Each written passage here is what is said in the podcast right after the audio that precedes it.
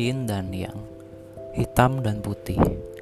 Dalam kehidupan kita sehari-hari, setiap kejadiannya pasti ada sisi positif dan negatif yang bisa kita petik atau kita pelajari.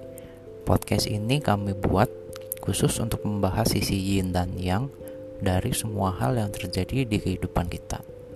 Senang ataupun sedih, inilah kehidupan. Selamat mendengarkan, semoga menginspirasi. Oke guys, baik lagi ke podcast dan yang bersama gue Yuda. Dan saya Nabil. Dan ini nih kita berapa mas? 30 ya? Kita lanjut ke pembahasan yang Yang dua minggu lalu. 10 perintah Tuhan. Tuhan. Tapi ini episode ke-30 kan bener ya? 30. Nah, berarti kan di, di, di dua episode kemarin atau di episode 28 kan kita udah bilang kita mau bahas 10 perintah Tuhan Ya. menurut minoritas. Tapi yang di dua minggu lalu itu kita baru 1 sampai 5. Sekarang Nah, minggu ini kita selesai ini 6 sampai 10. Siap nggak Mas? hmm, Jangan lupa ya nama apa namanya? Nama sumbernya itu Church of Jesus Christ. nah saya no dot org ya Aku no Nah, mendingan jangan komen daripada auto Kristen kan lanjut nah ini yang perintah ke-6 ya berarti sekarang ya mas ya ini kamu belum baca kan jadi biar Iya mau baca nih. juga ngapain gitu loh. ngapain ya bener Cukup mengetahui. ya ya nah yang perintah ke-6 dari 10 perintah Tuhan adalah jangan membunuh nah Oh. ini penjelasan singkatnya gini untuk penjelasan bagaimana perintah ini berlaku ini sebenarnya lebih diutamakan bagi mereka yang diwajibkan untuk pergi berperang Oh, oke. Jangan membunuh. Iya, kalau jangan mem- membunuh. Kalau membunuh selain agama kamu untuk membela agama kamu gimana? Kebetulan belum pernah mendengar sih yang begitu. Nah, terus perang salib itu kan bunuh orang muslim tuh. Waduh. Iya nggak sih? Eh tapi mah jujur aku nggak tahu loh. Sebenarnya apa sih perang salib tuh? Beneran jujur aku nggak tahu nih. Aku Sering juga- denger, cuma nggak pernah tahu. Aku apa juga sih? kurang tahu sih Coba di Google salib mas itu. daripada kita salah ya kan. Jadi perang Ayo. salib adalah sebutan bagi perang-perang agama di Asia Barat dan Eropa. Terus? Nah, ini tuh perang salib tuh terjadi eh, antara Antara umat minoritas ya Yud ya. anjir. Orang Kristen memenangkan perang salib pertama setelah merebut kembali Yerusalem. Aduh, ribet dah. Iya, katanya jangan membunuh, tapi malah membunuh. Ya mungkin ya ya aku nggak tahu ya istrinya gimana. Ya mungkin itu dulu terjadi tuh si perang salib tadi baru 10 aturan ini dibentuk kali. Jadi ketika ada perang-perang-perang saling bunuh tahu impactnya kayak apa jeleknya baru dibikin aturan ini. Oh ya udah jangan membunuh ya gitu. Kurang tahu. Mungkin loh ya. sih. Mungkin aku juga nggak tahu karena ini dari historinya begini. Cuman kalau aku pribadi ya aku udah nggak nggak nggak nggak bisa dielak kalau yang ini mah ya kita kalau bisa memang jangan membunuh. Ya memang jangan membunuh, siapa pun itu mau hewan mau manusia kan. Iya ya kalau kalau hewan sih susah sih ya karena kan kalau hewan banyak yang membahayakan kita juga Dan- atau merugikan lah. Arjen kalau arjen. Iya kayak nyamuk apa gitu kan kita pasti refleks kan kalau Iya. itu mah. Mm. Tapi kalau yang sesama manusia ya kalau bisa sih jangan. Jangan sih. Iya. Terus apa lagi tuh yang Nah ini yang ketujuh. Yang ketujuh aku yakin kalau di agamamu atau mungkin di semua agama itu ada, Mm-mm. yaitu jangan berzina. jangan bersinar. Nah oke. ini, ini ada penjelasannya nih. Dalam sebuah wahyu zaman akhir, Mm-mm. Tuhan mengutuk tidak hanya perzinaan, namun juga segala sesuatu yang serupa itu. Nah ini ada Oke. lanjutannya nih. Perzinaan, homoseksualitas, dan dosa-dosa seksual lainnya adalah pelanggaran terhadap perintah ketujuh. Jadi di sini nggak cuma perzinahan doang mas, tapi ada homoseksualitas juga. Jadi ingat kan kasus beberapa waktu yang lalu yang ada di podcast yang paling terkenal di Indonesia tuh yang sempat booming tuh. Itu. Dan itu dibahas ternyata di agama minoritas sih. mas. Hmm. Aku pikir selama ini nggak ada loh. kaum ternyata. kaum Sodom kali ya yang ternyata yang ada. ya. Nggak aku pikir kalau yang jangan berzinahnya aku pernah dengar. Hmm. Tapi ternyata aku baru tahu kalau dibaca-baca-baca memang ternyata perintahnya tuh bukan cukup sampai di jangan berzinah doang, tapi berzinah tuh ada ada anakannya lagi. Salah satunya homoseksualitas gitu loh. Salah satunya sih. Salah satunya ternyata aku baru tahu. Aku pikir selama ini di agama minoritas fine fine aja begitu ternyata tidak juga. Berarti yang zaman dulu itu pernah sa- suatu negara, suatu kaum tuh kena impact gunung meletus tahu kan? Yang mana tuh? Yang ada movie-nya itu loh kisah nyatanya. Karena itu satu kaum itu Sodom semua. Oh, eh Tahu kan yang tewas semuanya gara-gara gunung meletus. tahu cuman lupa apa nama itunya ya, nama filmnya. Itu sebelum ada 10 perintah Tuhan mungkin ya. kayak kayaknya sih aku nggak tahu aku nggak ahli agama soalnya tapi ya intinya gitu sih aku juga maksudnya jadi baru tahu ternyata ada gitu larangan untuk homoseksualitas di di agama minoritas ini Tapi ketika suatu kaum itu beragama Kristen atau Katolik, tapi Hmm. melakukan itu termasuknya ya dosa dong gitu. iya karena kan melanggar yang ketujuh Hmm. ini kan kata karena di sini bi- dibilangnya Tuhan itu mengutuk loh mengutuk Oke. tindakan tersebut gitu Terus apa lagi tuh yang nah kedelapan? yang kedelapan ini paling salah satu yang paling straightforward lah yaitu jangan mencuri karena mencuri adalah suatu bentuk ketidakjujuran dah itu Jangan mencuri. tapi bagaimana kalau kita mencuri dari pencuri Mencuri untuk kebutuhan gimana? Robin Hood seperti Robin Hood Dan ada kasusnya juga kan? Ah, Banyak. ada ada bocah mencuri HP untuk dijual pengobatan banyak ibunya. banyak ya gimana ya bingung juga sih kalau begitu ya karena karena kalau yang di kasus begituan aku kan sering dengarnya kayak ya lu jangan nyuri lah ya lu minta atau apa kayak minta minta tolong minta bantuan masa sih nggak ada orang yang mau bantu kalau lu Hmm. udah bersungguh-sungguh lu jujur sama kondisi lu dan lu Hmm. minta tolong tapi masalahnya kan di dunia yang makin gila seperti sekarang kan ya sok kita open openan aja sok kita saling sharing aja nih saling jujur aja makin susah kan nyari orang baik kan Nah, sekarang kalau di agamaku kan kalau mau berbuat dosa, terus mau berbuat baik, misalkan khilaf lah ya. Iya, Itu kan ada sholat. Oh itu ada Ada, ada sholatnya. Maksudnya shol- apa? Biar- biar sholat, minta sholat taubat. Enggak, enggak, enggak. Kalau Oh, kamu oh, setelah melakukan. Setelah melakukan, Oh, iya, iya, sorry. iya. Setelah melakukan itu kan ada sholat taubat. Itu Iya, kalau iya, di agama kamu jangan mencuri, tapi ketika sudah melakukan pengampunan dosanya seperti apa tuh Yud? nah setahu aku sebenarnya ada ya jadi di aku aku kurang tahu kalau kalau di eh, ini Kristen ya mungkin agak beda tapi kalau di Katolik sejauh yang aku tahu so far kita ada suatu apa ya mungkin sebutannya eh, ini tradisi kali cuma kalau di agamaku itu lebih disebutnya dengan sakramen Nah, si sakramen atau si tradisi ini salah satunya ada yang namanya sakramen atau tradisi tobat.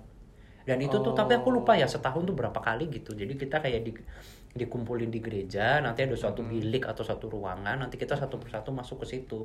Nanti ada si pasturnya atau si pendetanya. Kita ngaku dosa, ceritanya melalui dia, tapi sebenarnya kan kita ngaku dosanya ke Tuhan kan. Mm-mm. Tapi melalui perantara dia. Jadi nanti di situ sebenarnya nanti udah udah ada teksnya, Mas Mm-mm. saya misalnya apa-apa-apa-apa paragraf satunya nah nanti paragraf duanya baru tuh saya mengaku selama ini saya udah ber- berbuat dosa apa kita sebutin tuh di situ Dan itu publik, semua orang tahu. enggak jadi Oh, kan enggak. kita di satu bilik di satu ruangan Oh, yang cuma tahu. kita sama si pendeta itu yang tahu Pendetanya tahu semua dong. tahu lah Berarti kamu mau mau zina, mau membunuh, Iya. pendeta wajib tahu juga. ya kalau kita keluarin jadi tahu kalau Kalau- kita jujur kita keluarin semua tuh ya dia tahu Kalau pendetanya jadi takut gimana? Lari. Takut apa tuh oh ya nggak tahu sih aku belum pernah ngalamin Kan kadang ada orang yang mual kan melihat Oh, semua sih. cerita curhatan, Nggak skenario terburuk, personal isu orang kan ya mungkin mungkin ya ya mungkin si pastor atau si pendeta itu udah berpendidikan juga udah untuk S3 psikolog kali. menangani itu iya, jadi juga udah ya. terbiasa. Tapi memang sejauh yang aku pernah dengar sih seperti itu ya. Atau mungkin ada juga doa yang khusus tobat tuh kayaknya sih ada. oh, Kalau pakai kalau aku nggak salah belajar dulu pernah ada. packaging tobat seperti apa model Iya, ada ya. jadi kalau dan, dan yang aku pernah apa namanya? Apa namanya? Yang pernah aku lucu tuh aku pernah baca di internet kayak kalau memang kita butuh, tapi ini untuk lucu-lucuan doang ya. Jadi ada orang pernah nulis kayak gini, aduh gue tuh lagi butuh sesuatu, gue lagi butuh duit sekian buat untuk keperluan apa gitu. Mm-mm. Tapi gue tahu nih, karena kalau misalnya gue cuman kayak doa, gue minta duit atau minta dilancarin usahanya apa segala macam, kemungkinannya kalau itu tidak terwujud satu atau yang kedua ya terwujud tapi dalam waktu yang sangat lama kan. Mm-mm. Jadi gak mungkin kita doa detik itu dikasih kan, Iya. enggak kan, ada prosesnya kan. Nah Iya. makanya terus si orang itu bilang karena gua tahu cara bekerja Tuhan itu tidak seperti itu, ya udah akhirnya langkah yang gua ambil adalah gua mencuri, gua ngambil punya orang, habis itu gua tinggal doa tobat. Tapi kan nggak segampang itu. Anjing lucu coba gue baca. Enggak, tapi maksudnya itu cuma lucu-lucuan doang. kan. Oh, Maksudnya di satu sisi kita kita harus setuju bahwa nggak semua apa yang kita minta atau kita doain detik itu dikasih. Benar. Nggak mungkin kan? Pasti ada prosesnya. Atau yang dikasih sesuai kebutuhan kita. Betul. Padahal yang kita yang yang di keadaannya kita kita butuh lebih dari itu gitu misalnya. Iya. Akhirnya itu orang ya udah deh gue nyuri aja dulu toh gue tinggal doa tobat kan gitu. Tapi ketika mau tobat gitu. meninggal. Ada loh Iya. kasus kayak gitu Iya, biasanya. mungkin lucu lah pokoknya. Tapi itu intinya mas. Mm-mm. Terus Pokoknya di yang ke-8 itu jangan mencuri. Udah ini mah kita semua setuju lah ya. setuju apa lagi tuh? Yang ke-9. Nah, ini juga penting nih. Jangan mengucapkan saksi dusta tentang sesamamu karena memberikan kesaksian palsu adalah bentuk lain dari ketidakjujuran. Jadi tadi mencuri juga bentuk Ya, ketidakjujuran. Mengucapkan saksi dusta atau kita ber- berbohong lah ya atau meng- be- berbicara tentang hal-hal palsu tentang orang lain itu tuh nggak boleh. Mm. Tapi kenyataannya Setuju sih. Tapi kenyataannya banyak ya yang melakukan itu. Eh, kemungkinan banyak ya banyak juga sih terutama kita juga pernah melakukan itu nggak sih Kadang- pasti pasti pasti, pasti pernah, pernah karena kita pasti manusia pernah. kan. iya secara naluri ya mungkin naluri dasarnya semua orang adalah kita pengen sem- makin banyak orang tuh berpihak sama kita. Udah pasti lah itu mungkin secara nalurinya manusia dasar ya. Kita pengen sebanyak mungkin orang berpihaknya sama kita atau sukanya sama kita atau senangnya sama kita. Dan sesedikit mungkin kalau bisa nggak ada sama sekali orang yang benci sama kita bener nggak? Akhirnya pinginnya kayak gitu. Kayaknya kayak gitu. Akhirnya ketika kita menyampaikan suatu cerita, aslinya kalau cerita itu jujur, sebenarnya kita yang salah. Tapi karena kita nggak mau kelihatan kita yang salah, kita manipulasi itu cerita. Jadi akhirnya kita playing victim lah. Akhirnya kita cari orang lain seolah-olah mereka yang salah.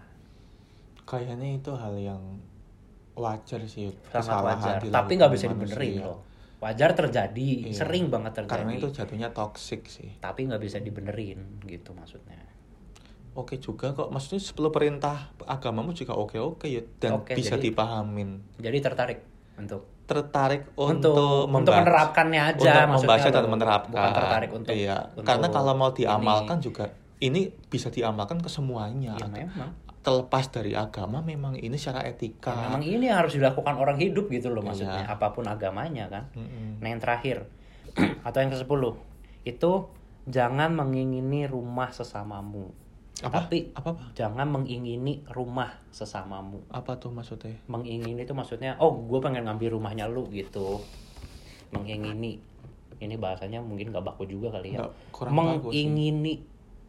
Menginginkan kali ya. Menginginkan. Jangan menginginkan. Pokoknya jangan jangan menginginkan sesuatu tuh yang bukan punya kita intinya gitu. Oh jadi di oke. sini tuh mengingini ataupun mengirikan Oke, sesuatu yang ya menjadi memang milik orang lain bukan hak kita kali ya adalah menghancurkan jiwa itu dapat membebani pikiran kita dan menyakiti kita dengan ketidakbahagiaan serta ketidakpuasan yang terus-menerus itu sering kali menuntun pada dosa-dosa lain yang berutang dan berutang uang itu. Oke, karena itu juga bu, eh, apa ya? Mm-mm. Itu kebiasaan yang buruk sih sebenarnya sih. Tapi tapi ini nyambung gak sih mas sama yang ketujuh eh yang kedelapan tadi jangan mencuri. Yang ke sepuluh ini jangan menginginkan sesuatu yang punya orang lain. Tapi kalau kita Nyambung terlalu jadinya. menginginkan, Jadinya mencuri. jadinya mencuri Iya. untuk skenario jahatnya ya. Iya. Di sini Oke sih. tapi di sini dibilang bukan cuma rumah loh ya meskipun tadi secara eh, perintah yang ke sepuluhnya tulisannya cuma jangan mengingini rumah sesamamu. Oke, maknanya berarti Tapi nggak cuma eh, rumah, semua lah apa pun. apa yang bukan Jadi punyanya hak dulu. kita, ya Iya. udah kita jangan nggak berusaha bisa. untuk dimiliki. Oh, itu makna yang sesungguhnya ya. Tapi Tam- ya mas, aku kalau nggak salah dengar, kalau nggak salah dengar atau pernah belajar, ini nih salah satunya tetap termasuk ini loh, eh, apa pasangan hidup. Jadi terjadi salah satunya itu jangan mengingini istri ataupun suami milik sesamamu. Sumpah. maksudnya Ya jadi kalau misalnya kamu nih kan, kamu bentar lagi nikah. Hah? Misalnya ternyata kok ketika nanti ngeliat istrinya kamu, wah cantik ya istrinya Mas Nabil ya. Oh, Ah, gua ambil ah, ntar ah. Ntar gue rebut ah gitu, itu nggak boleh. paham, paham. Gitu. Jadi nggak cuma benda, tapi apa pun. Apa pun itu. Iya, yang udah milik orang lain. Tapi ada loh Yud, orang-orang yang yang manusia bukan orang karena kita manusia ya. Bedanya apa sama orang? Ya, Sama orang aja manusia sama orang. Ya, ma- ada kok. Ya semua kita manusia pernah ngalamin kali ya. Apa? Eh, ketika kita menginginkan hak yang bukan milik kita tapi kita ngoyo atau ngotot. Oh, sering. kayak Oh, sering. what we see uh, ya we can get it gitu loh apa yang kita Iya. lihat kita harus membeli itu kita harus mendapatkan itu Padahal tidak. padahal setelah mendapatkan itu ternyata ya itu cuman keinginan bukan Itu kebutuhan hanya hawa nafsu doang. iya itu termasuk nggak Ya, termasuk makna dong. ini Masuk dong. Kayaknya sih termasuk ya. Em, ya intinya sih di angka 10 ini yang yang yang aku tangkap ya intinya kalau memang ada sesuatu ataupun seseorang ataupun apa pun itulah bentuknya yang bukan punyanya kita, apalagi udah dipunyain sama orang lain. Iya. Udah, nggak usah nggak usah berpikiran aneh-aneh untuk memiliki si hal ataupun orang ataupun benda itu. Udah nggak usah. Ya kita sadar diri sih. Sadar diri aja. Ya itu bukan punya lu. Ya udah lu nggak nggak perlu ngapa-ngapain terhadap itu. Kalaupun nggak bisa sadar diri ya udah. Lu bisa nggak dapetin itu? Kalaupun Iya, iya bener, kalaupun udah mendapatkan itu tanya lagi dua kali. Butuh nggak ya? Nah, nah, iya. itu dia sih. Ya setuju. Oke ini ternyata menarik juga ya. Jadi memang sebenarnya mas kalau yang dari dulu aku belajar sampai yang sekarang kita bahas Mhm. Memang sebenarnya kalau aku setuju sama kamu tadi sih bahwa sebenarnya si 10 perintah Tuhan ini nih kebetulan aja adanya di agamaku atau di agama minoritas. Padahal sebenarnya kalau kita baca kalau kita bahas ya ini nih memang bisa diterapin. Nggak Oleh peduli. semuanya. iya nggak peduli lu agamanya apa. Bahkan lu ateis sekalipun agnostis sekalipun bisa. Karena memang ini kalau menurut aku mah ya ini tata keramanya manusia hidup tuh harusnya begini. Ya jangan mencuri kita harus hormat sama orang tua kita harus jangan lupa beribadah karena kan di di sini disebutin juga kita harus jangan lupa hari kalau di sini kan disebutnya hari sabat tapi kan intinya hari untuk beribadah. Ya kita kembalikan ke keyakinan masing-masing mungkin punya style dan eh, pengarahan masing-masing gitu ya. Betul. Nggak mungkin selalu seperti ini saklek iya. Bisa jadi kan di agamaku penyampaiannya beda di Hmm. agama lain kamu juga beda juga. Iya. Nggak bisa disamain. Yang bisa kita samain ketika sama-sama implementasi arahan itu positif ya udah bisa kita pakai. Setuju. Terlepas dari oh kamu agamanya ini nih aku nggak mau nih nerapin ini. Ya padahal sama-sama positif kok Iya, gitu loh. selama positif mau main kan. Oke, berarti cukup sekian ya Mas ya, luar biasa nih. Em, aku juga jadi makin belajar nih. Padahal ini di agamaku sendiri, tapi karena akunya seperti itu orangnya, jadi kayak kayak belajar ulang. Tapi oke lah. Jadi Ya, maksudnya oke itu lah. bisa ini bisa diterapin lah, nggak nggak nggak nggak terpatok di satu agama Iya. atau satu keyakinan.